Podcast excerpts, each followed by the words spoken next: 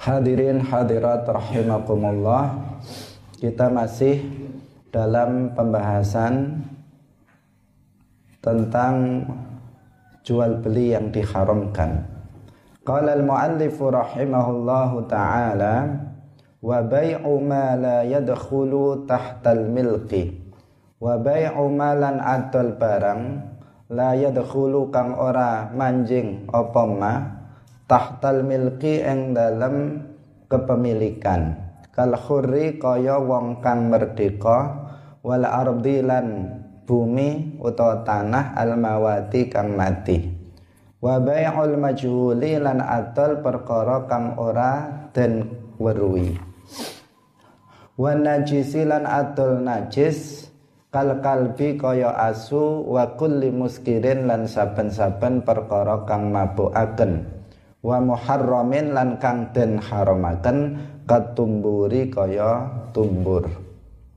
Wa yahrumu lan haram apa bai'u syai'i atul suwiji-wiji al halali kang halal atau hiri kang suci alaman ing atase wong ta'lamu kang ngaweruhi sapa sira annahu sak temene man iku yuridu ngarepaken sapa man ayasiya ing yen gawe maksiat sapa man bihi kelawan al asyai'il halal tahir. Wa bai'ul asya'i lan adol pira-pira suci-wici al muskirati kang mabukaken. Hadirin hadirat rahimakumullah di antara jual beli yang diharamkan adalah menjual sesuatu yang tidak masuk dalam kepemilikan. Nah, jadi sesuatu yang nggak bisa dimiliki itu tidak boleh untuk diperjualbelikan. Nah, contohnya adalah kalhuri seperti manusia merdeka. Nah, manusia merdeka seperti kita ini nggak bisa di, dijual nggak boleh misalnya orang tua kemudian menjual anaknya. Ada di sebagian daerah ketika ibunya melahirkan seorang bayi kemudian bayinya dijual kepada tetangganya atau orang-orang kaya yang tidak memiliki anak yang membutuhkan seorang anak kemudian dijual kepada mereka. Perbuatan seperti ini perbuatan yang diharamkan. Nggak boleh. Menjual manusia itu tidak boleh. Menjual manusia yang merdeka. Atau sebagian orang sengaja melakukan jual beli manusia dengan cara ditipu misalnya perempuan-perempuan mengatasnamakan TKW kemudian mereka ditampung di suatu tempat kemudian setelah itu dijual kepada orang-orang di luar negeri misalnya. Ini juga perbuatan yang tidak diperbolehkan. Menjual manusia merdeka itu hukumnya adalah haram dan tidak sah jual belinya karena itu memang tidak bisa diperjualbelikan. Berbeda dengan manusia yang statusnya adalah sebagai budak. Nah, bukan diperbudak, tetapi memang statusnya sebagai budak yang sah menurut syarak. Karena dalam Islam ada perbudakan itu dengan ketentuan-ketentuan. Yang di sana dalam hukum fikih itu ada ketentuan-ketentuan secara khusus. Nah, perbudakan ini terjadi apabila ada peperangan di antara umat Islam dengan orang-orang kafir. peperangan yang dimaksud tentu peperangan yang memang uh, di, uh, diperbolehkan dalam syariat Islam. Nah, jadi ada peperangan melawan orang kafir, kemudian orang kafir itu kalah, kemudian mereka ditawan dan dibagikan kepada umat Islam sebagai budak. Nah, mereka ini boleh diperjualbelikan. Meskipun mereka ini adalah manusia sama seperti kita, tetapi statusnya adalah sebagai budak. Dari sisi mereka itu boleh diperjualbelikan, itu mereka seperti binatang dari sisi itu. Tetapi mereka juga manusia yang memiliki apa namanya eh, ketentuan-ketentuan hukum yang khusus bagi mereka eh, termasuk dalam hukum-hukum syarak. Mereka mereka mereka ada eh, syariat tertentu yang mengatur mereka. Hadirin hadirat rahimakumullah. Nah, tetapi hari ini tidak dimungkinkan adanya, adanya suatu perbudakan. Islam itu tidak menghapus hukum perbudakan, tetapi Islam itu menekankan kepada orang-orang yang melakukan perbuatan-perbuatan maksiat tertentu untuk memerdekakan budak. Jadi memerdekakan budak ini dianjurkan di dalam Islam. Tetapi bukan berarti kemudian menghapuskan uh, apa namanya sistem perbudakan ini. Karena perbudakan bisa terjadi kembali manakala memang mekanisme untuk itu itu ada. Jika tidak seperti pada masa sekarang, maka itu tidak ada perbudakan. Nah, kalau kemudian sekarang ada perbudakan, itu adalah perbudakan yang tidak sah. Seseorang yang merasa berkuasa kemudian memperbudak orang yang lemah, orang yang miskin misalnya. Orang yang kuat kemudian memperbudak orang yang lemah. Ini adalah perbudakan yang dibuat-buat dan ini tidak tidak diperkenankan. Misalnya memperkerjakan manusia merdeka tanpa diberi upah misalnya. Nah, ini namanya perbudakan terselubung yang tidak sesuai dengan ketentuan syariat Islam. Hadirin hadirat rahimakumullah. Jadi menjual manusia nggak boleh. Apakah yang menjual itu kedua orang tuanya? Apakah yang menjual itu suaminya? ataukah yang menjual itu orang yang merasa berhak atas dirinya itu tidak diperbolehkan karena al-hurru manusia merdeka itu tidak dimiliki sehingga dia tidak bisa diperjualbelikan la yad la yadkhulu tahtal milki sehingga dia tidak bisa diperjualbelikan hadirin rahimakumullah Wal ardil mawat. Contohnya lagi adalah tanah mati. Tanah mati itu adalah tanah yang tidak ada pemiliknya. Misalnya, tanah itu masih hutan berantara, masih hutan belantara yang belum pernah ada seorang pun yang membukanya. Maka berarti status tanah itu bukan milik siapa-siapa.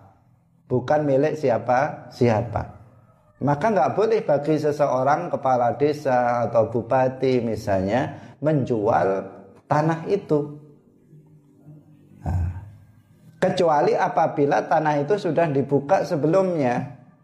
Jadi cara menghidupkan tanah mati, tanah mati apa artinya? Yang tidak ada pemiliknya itu, caranya adalah dengan cara apa? Dibuka dibuka disiapkan misalnya kalau hutan maka ditebangi pohonnya dipersiapkan sebagai lahan sawah lahan ladang atau kemudian dibangun rumah di situ maka yang membuka itulah pemiliknya nah, yang membuka itulah yang di, disebut sebagai pemilik siapa yang membabat siapa yang membuka tanah itu pertama kali maka dialah pemilik dari e, tanah yang sebelumnya hutan belantara itu. Nah ini ya, masih ada kalau di Jawa seakan-akan sudah nggak ada lagi tanah yang statusnya tanah mati. Semuanya ada pemiliknya. Nah, kalau di luar Jawa misalnya di Kalimantan atau di Sumatera ada sebagian tanah-tanah itu yang belum ada pemiliknya, masih hutan belantara. Nah, jika ada seseorang kemudian datang membuka tanah itu, maka dialah pemiliknya.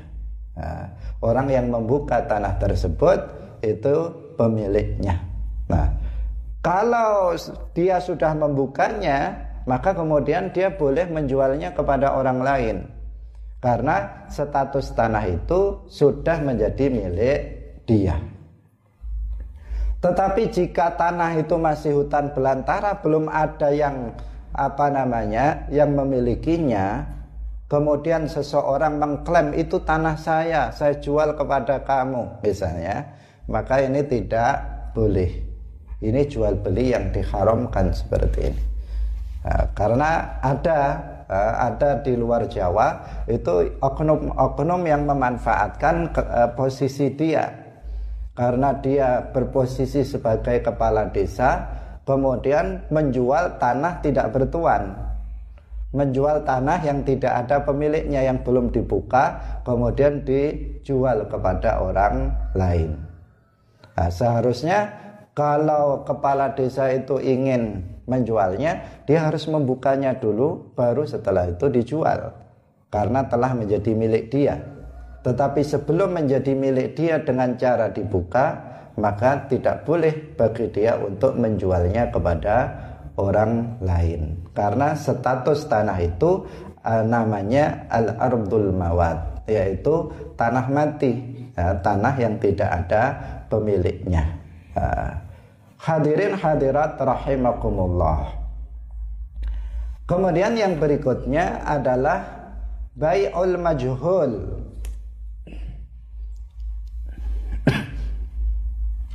Di antara jual beli yang diharamkan adalah menjual sesuatu yang majhul.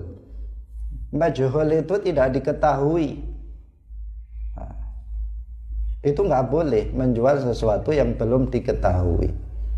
Karena salah satu syarat sah dari jual beli itu barang yang diperjualbelikan atau alat tukarnya itu harus maklum, harus diketahui. Karena di situ akan mengandung unsur apa? Unsur penipuan. Kalau tidak diketahui apa namanya sesuatu yang diperjualbelikan. mengandung unsur gharar atau penipuan. Misalnya seseorang mengatakan, "Aku jual salah satu dari dua baju ini kepadamu." Aku jual salah satu dari dua baju ini kepadamu. Ini kan nggak jelas baju yang mana yang yang dijual, baju yang pertama atau yang kedua.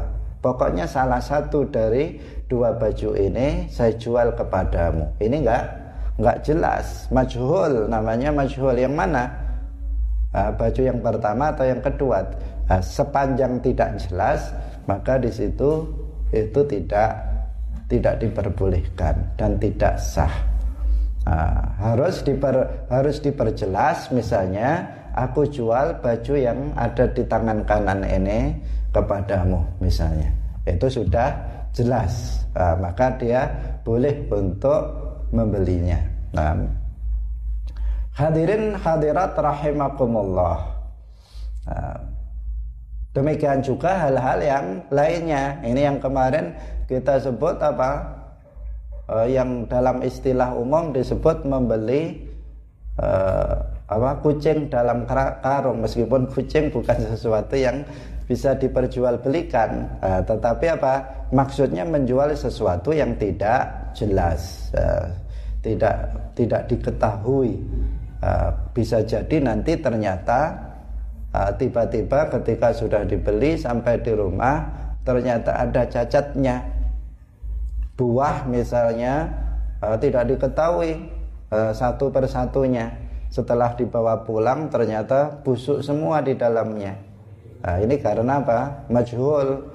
Karena apa? Sudah uh, sudah diplastik diplastiki dengan plastik yang tidak terlihat dari luar sehingga nggak jelas ini buahnya bagus apa enggak di atasnya memang bagus tapi ternyata di dalamnya itu uh, majhul tidak diketahui apa namanya uh, buah tersebut. Hadirin hadirat rahimakumullah kemudian yang berikutnya adalah bay'un najis di antara jual beli yang diharamkan adalah menjual barang yang najis. Nah, barang yang najis yang dimaksud di situ adalah najisul ain. Jadi bendanya memang najis. Bukan benda yang terkena najis, mutanajis. Jadi benda yang memang status bendanya itu memang najis. Itu yang nggak boleh untuk diperjualbelikan. Tapi kalau benda itu terkena najis, maka masih bisa diperjualbelikan. Misalnya apa? Uh, misalnya sepeda motor ke, kena kencing misalnya, masih bisa diperjualbelikan. Atau misalnya apa namanya? baju yang kena uh, najis misalnya, itu masih bisa diperjualbelikan. Kenapa? Karena masih bisa disucikan. Masih bisa disucikan.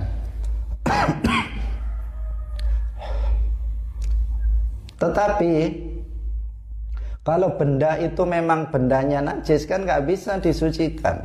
Misalnya air kencing itu kan bendanya najis, nggak bisa disucikan, nggak bisa di, disucikan karenanya tidak diperbolehkan.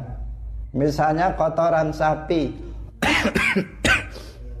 kotoran ayam itu memang najis, itu nggak bisa disucikan sehingga tidak boleh diperjualbelikan.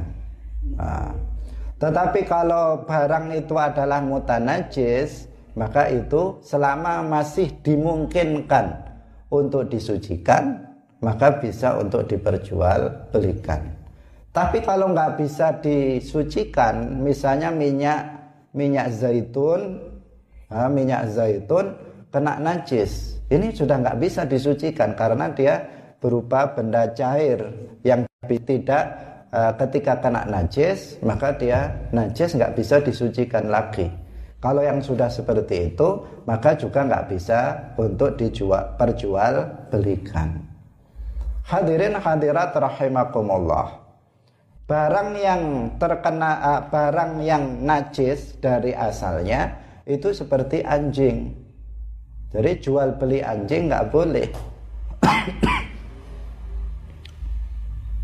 seperti babi jual beli babi tidak boleh karena babi itu najis.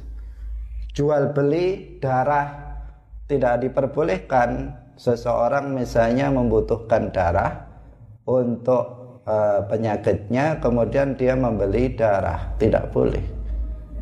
Alkohol. Alkoholnya alkohol itu adalah rohnya khamr. Itu hukumnya najis. Tidak boleh seseorang jual beli alkohol.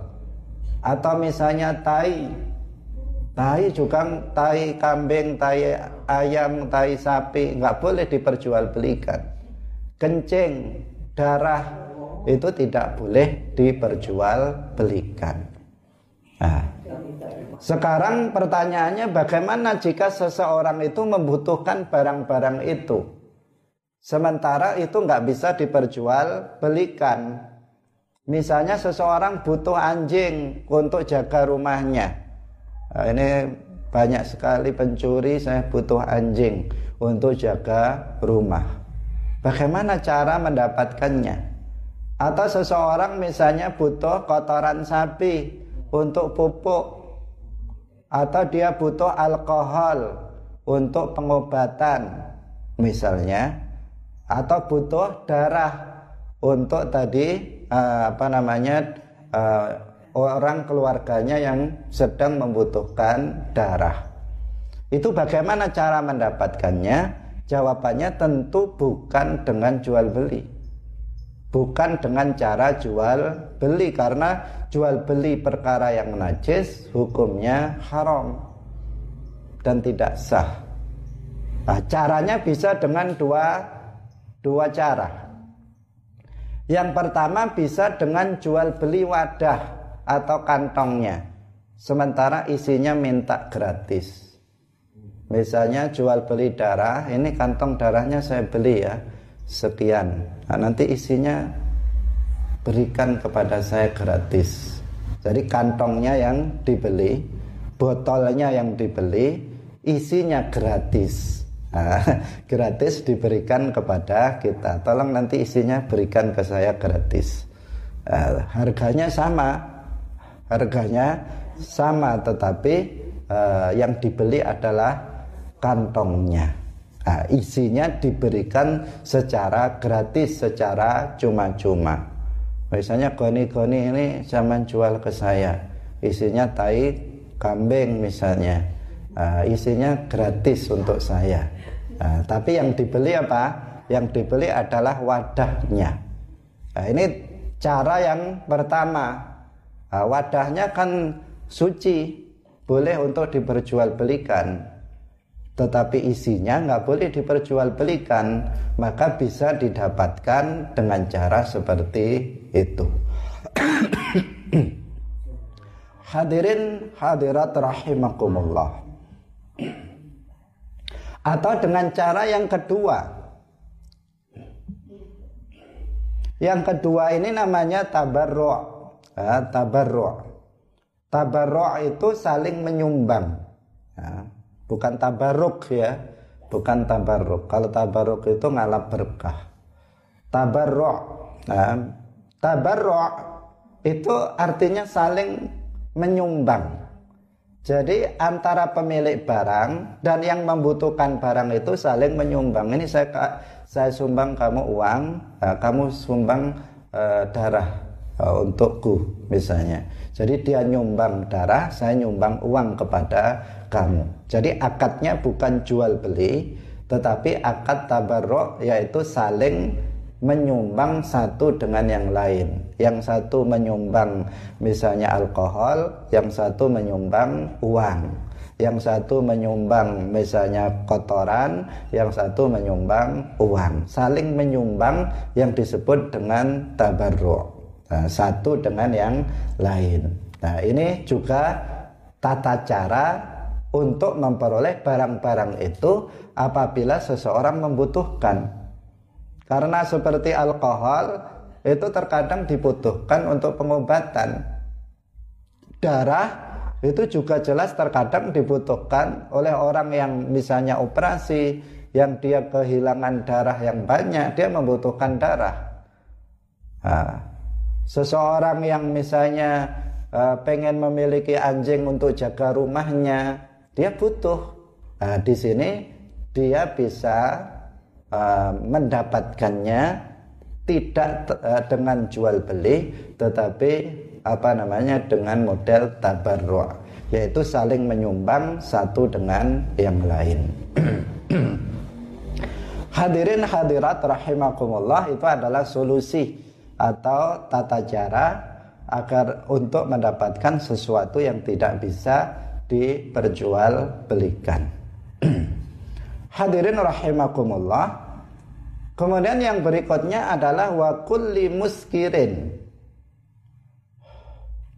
Di antara jual beli yang diharamkan adalah menjual minuman yang memabukkan. Ini sudah jelas. Minuman yang memabukkan itu juga najis sama dengan yang sebelumnya. Tetapi di sini lebih ada penekanan secara khusus bahwa menjual minuman yang memabukkan tidak dibolehkan. Seseorang yang membuka warung eh, nggak boleh dia kemudian menjual minuman yang memabukkan. Misalnya menjual menjual khamar atau menjual nabit. Sesu, nabit itu sesuatu seperti kurma atau lainnya yang direndam di dalam air yang uh, apa namanya dalam beberapa waktu yang kemudian bisa memabukkan. Pokoknya semua jenis air yang minuman yang memabukkan itu tidak boleh dijual atau tidak boleh diperjualbelikan. Hadirin hadirat rahimakumullah. Memabukkan itu artinya merubah akal disertai dengan kegirangan. Nah, meskipun tidak berasal dari anggur, bisa dari anggur atau bisa dari uh, tadi apa kurma dan lainnya yang diolah uh, dengan cara-cara tertentu sampai kemudian bisa memabukkan. Jika diminum, maka akan menghilangkan akalnya disertai dengan apa uh, semacam kegirangan, uh, kesenangan sesaat uh, ketika seseorang mengkonsumsinya. Itu yang disebut mabuk. Uh, sesuatu yang bisa menimbulkan uh, kondisi seperti itu berarti sesuatu itu memabukkan dan tidak boleh barang yang memabukkan, minuman yang memabukkan itu diperjualbelikan. Wa muharramin katumbur. Kemudian di antara jual beli yang diharamkan adalah menjual barang yang haram. Jadi hukumnya memang haram. Ini sebenarnya sudah kita jelaskan di depan yaitu tentang menjual sesuatu yang tidak bermanfaat. Nah, kemarin telah kita jelaskan menjual sesuatu yang tidak bermanfaat itu bisa tidak bermanfaat secara fisik, bisa tidak bermanfaat secara maknawi atau secara syar'i. Nah, tidak bermanfaat secara syar'i artinya perkara itu adalah haram. Nah, perkara itu adalah sesuatu yang diharamkan. Nah di sini dipertegas lagi menjual sesuatu yang diharamkan hukumnya adalah haram. Misalnya menjual tumbur. Tumbur itu juga semacam gitar, alat musik seperti biola, ha, seperti biola, gitar, seruling. Kemudian juga ada lagi yang disebutkan dalam hadis itu adalah al-kubah. Ini banyak juga dipakai al-kubah ini dijelaskan oleh para ulama adalah semacam gendang tetapi bentuknya bentuknya itu di tengahnya adalah uh, kecil jadi besar di atas dan di bawah kemudian di tengahnya kecil itu namanya al-kubah uh, itu ada nas tentang keharamannya alat musik seperti itu maka menjual alat musik yang diharamkan itu hukumnya haram. Nah, setelah kita jelaskan sebelumnya bahwa alat musik itu ada dua. Alat musik yang diharamkan seperti yang kita sebutkan tadi, misalnya seruling, tumbur, gitar, biola, uh, kubah, itu alat-alat musik yang diharamkan. Kemudian ada alat-alat musik yang diperbolehkan seperti misalnya rebana, seperti misalnya drum, seperti misalnya kecer dan sebagainya.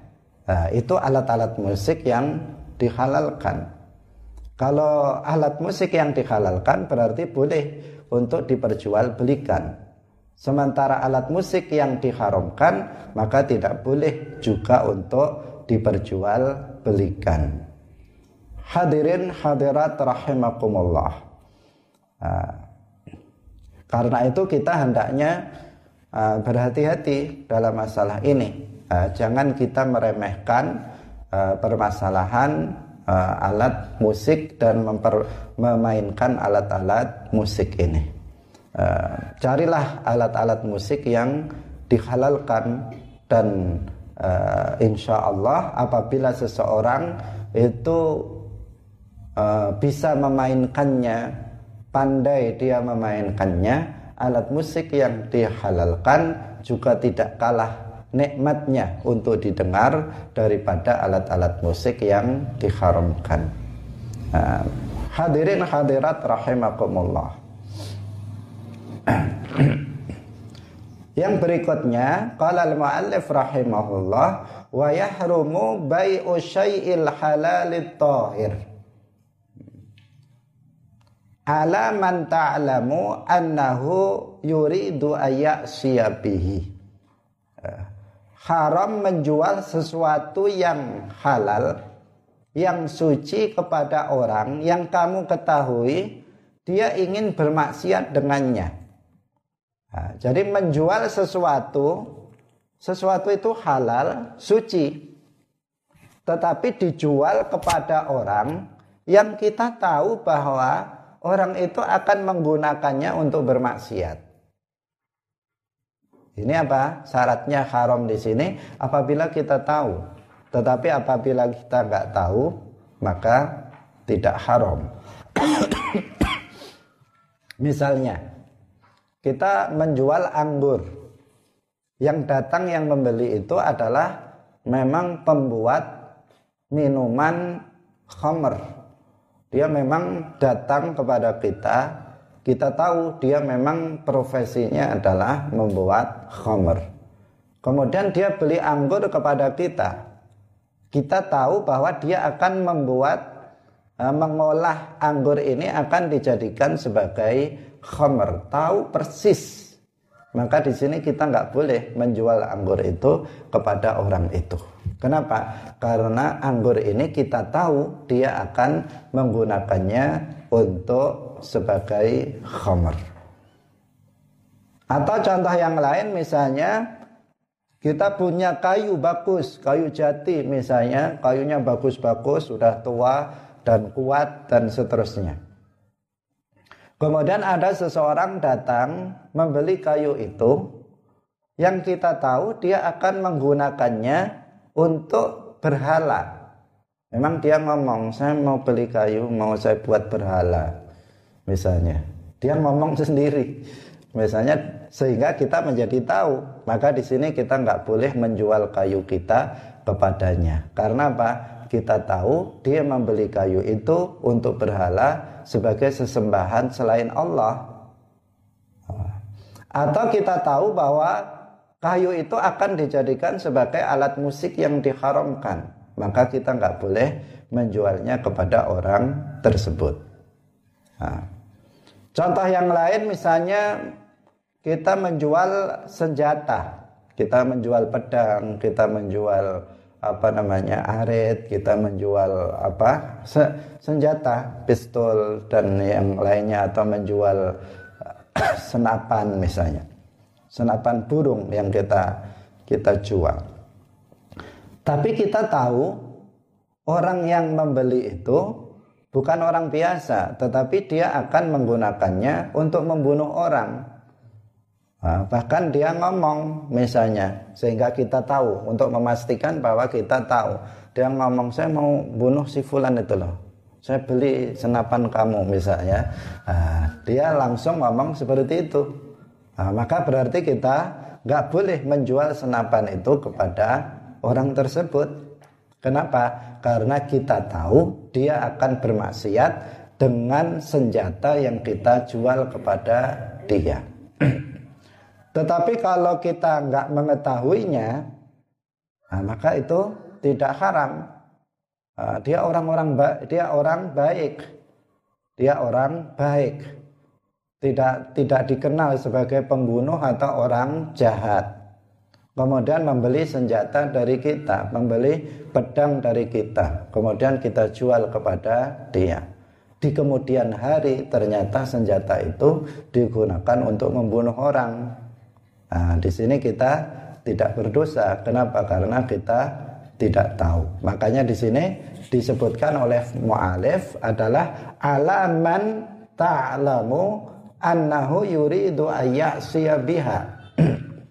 Menjual kepada orang yang kamu tahu bahwa orang itu akan menggunakan alat yang dibelinya itu untuk bermaksiat kepada Allah Subhanahu wa ta'ala.